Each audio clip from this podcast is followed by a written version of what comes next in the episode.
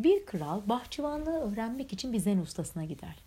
Üç yıl boyunca ondan bu konuda eğitim alır. Her şeyi öğrendikten sonra kral ustayı bahçesini görmeye davet eder. Bahçe o kadar güzel tamamlanmıştır ki hiçbir şey eksik kalmamıştır.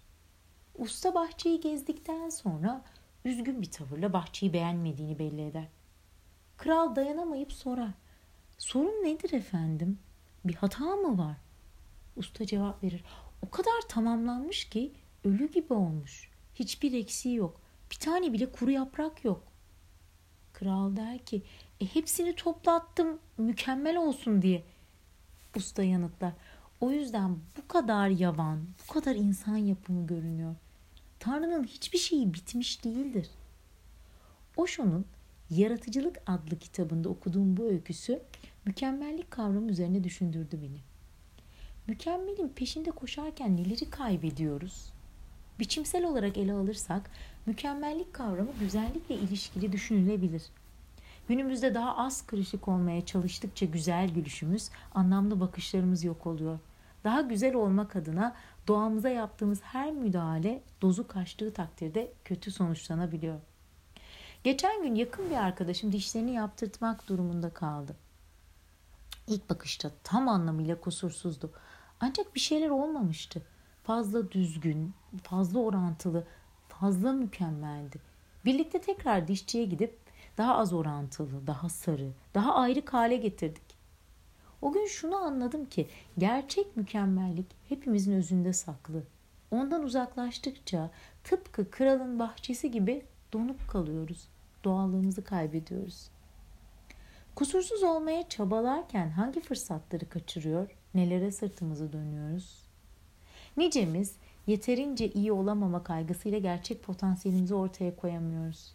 Hata yapma korkusu geri planda kalmaya itiyor, adım atmamızı engelliyor.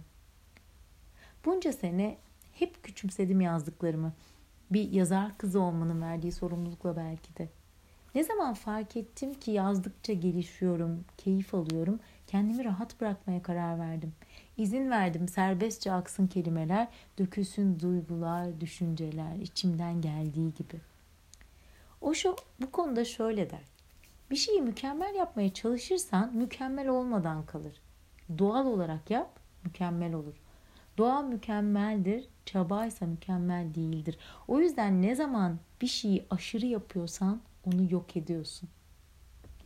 Eskiden bir toplulukta aklımdan bir soru geçtiğinde yanlış bir şey söylerim, rezil olurum düşüncesiyle dile getirmekten kaçınabilirdim. Şimdi ise kusur arayan gözlerle bakmaktan vazgeçtim. Böylece ne kendimi ne de başkalarını yargılıyorum. Yapılan yanlışlar en büyük öğretmenlerimiz değil mi? En kötü ne olur sorusu cesaretim kırıldığı zamanlarda itici bir güç olabiliyor benim için. Bana göre kusursuzluk bizim bakış açımızla ilgili. Sevdiğimiz insanların kusurlarını nasıl görmezden gelebiliyorsak, tersine sevmediğimiz kişi bize o denli itici gelebiliyor. Ne çok kusur buluyoruz onlarda. İnsan yine aynı insan. Değişen bizim ona hangi gözle baktığımız. Gözümüzle gördüğümüzü sanıyoruz. Oysa aklımız ve yüreğimiz gerçeği daha net görebiliyor. Kim bilir belki de gerçek kusur kusursuzluğun peşinde koşmak.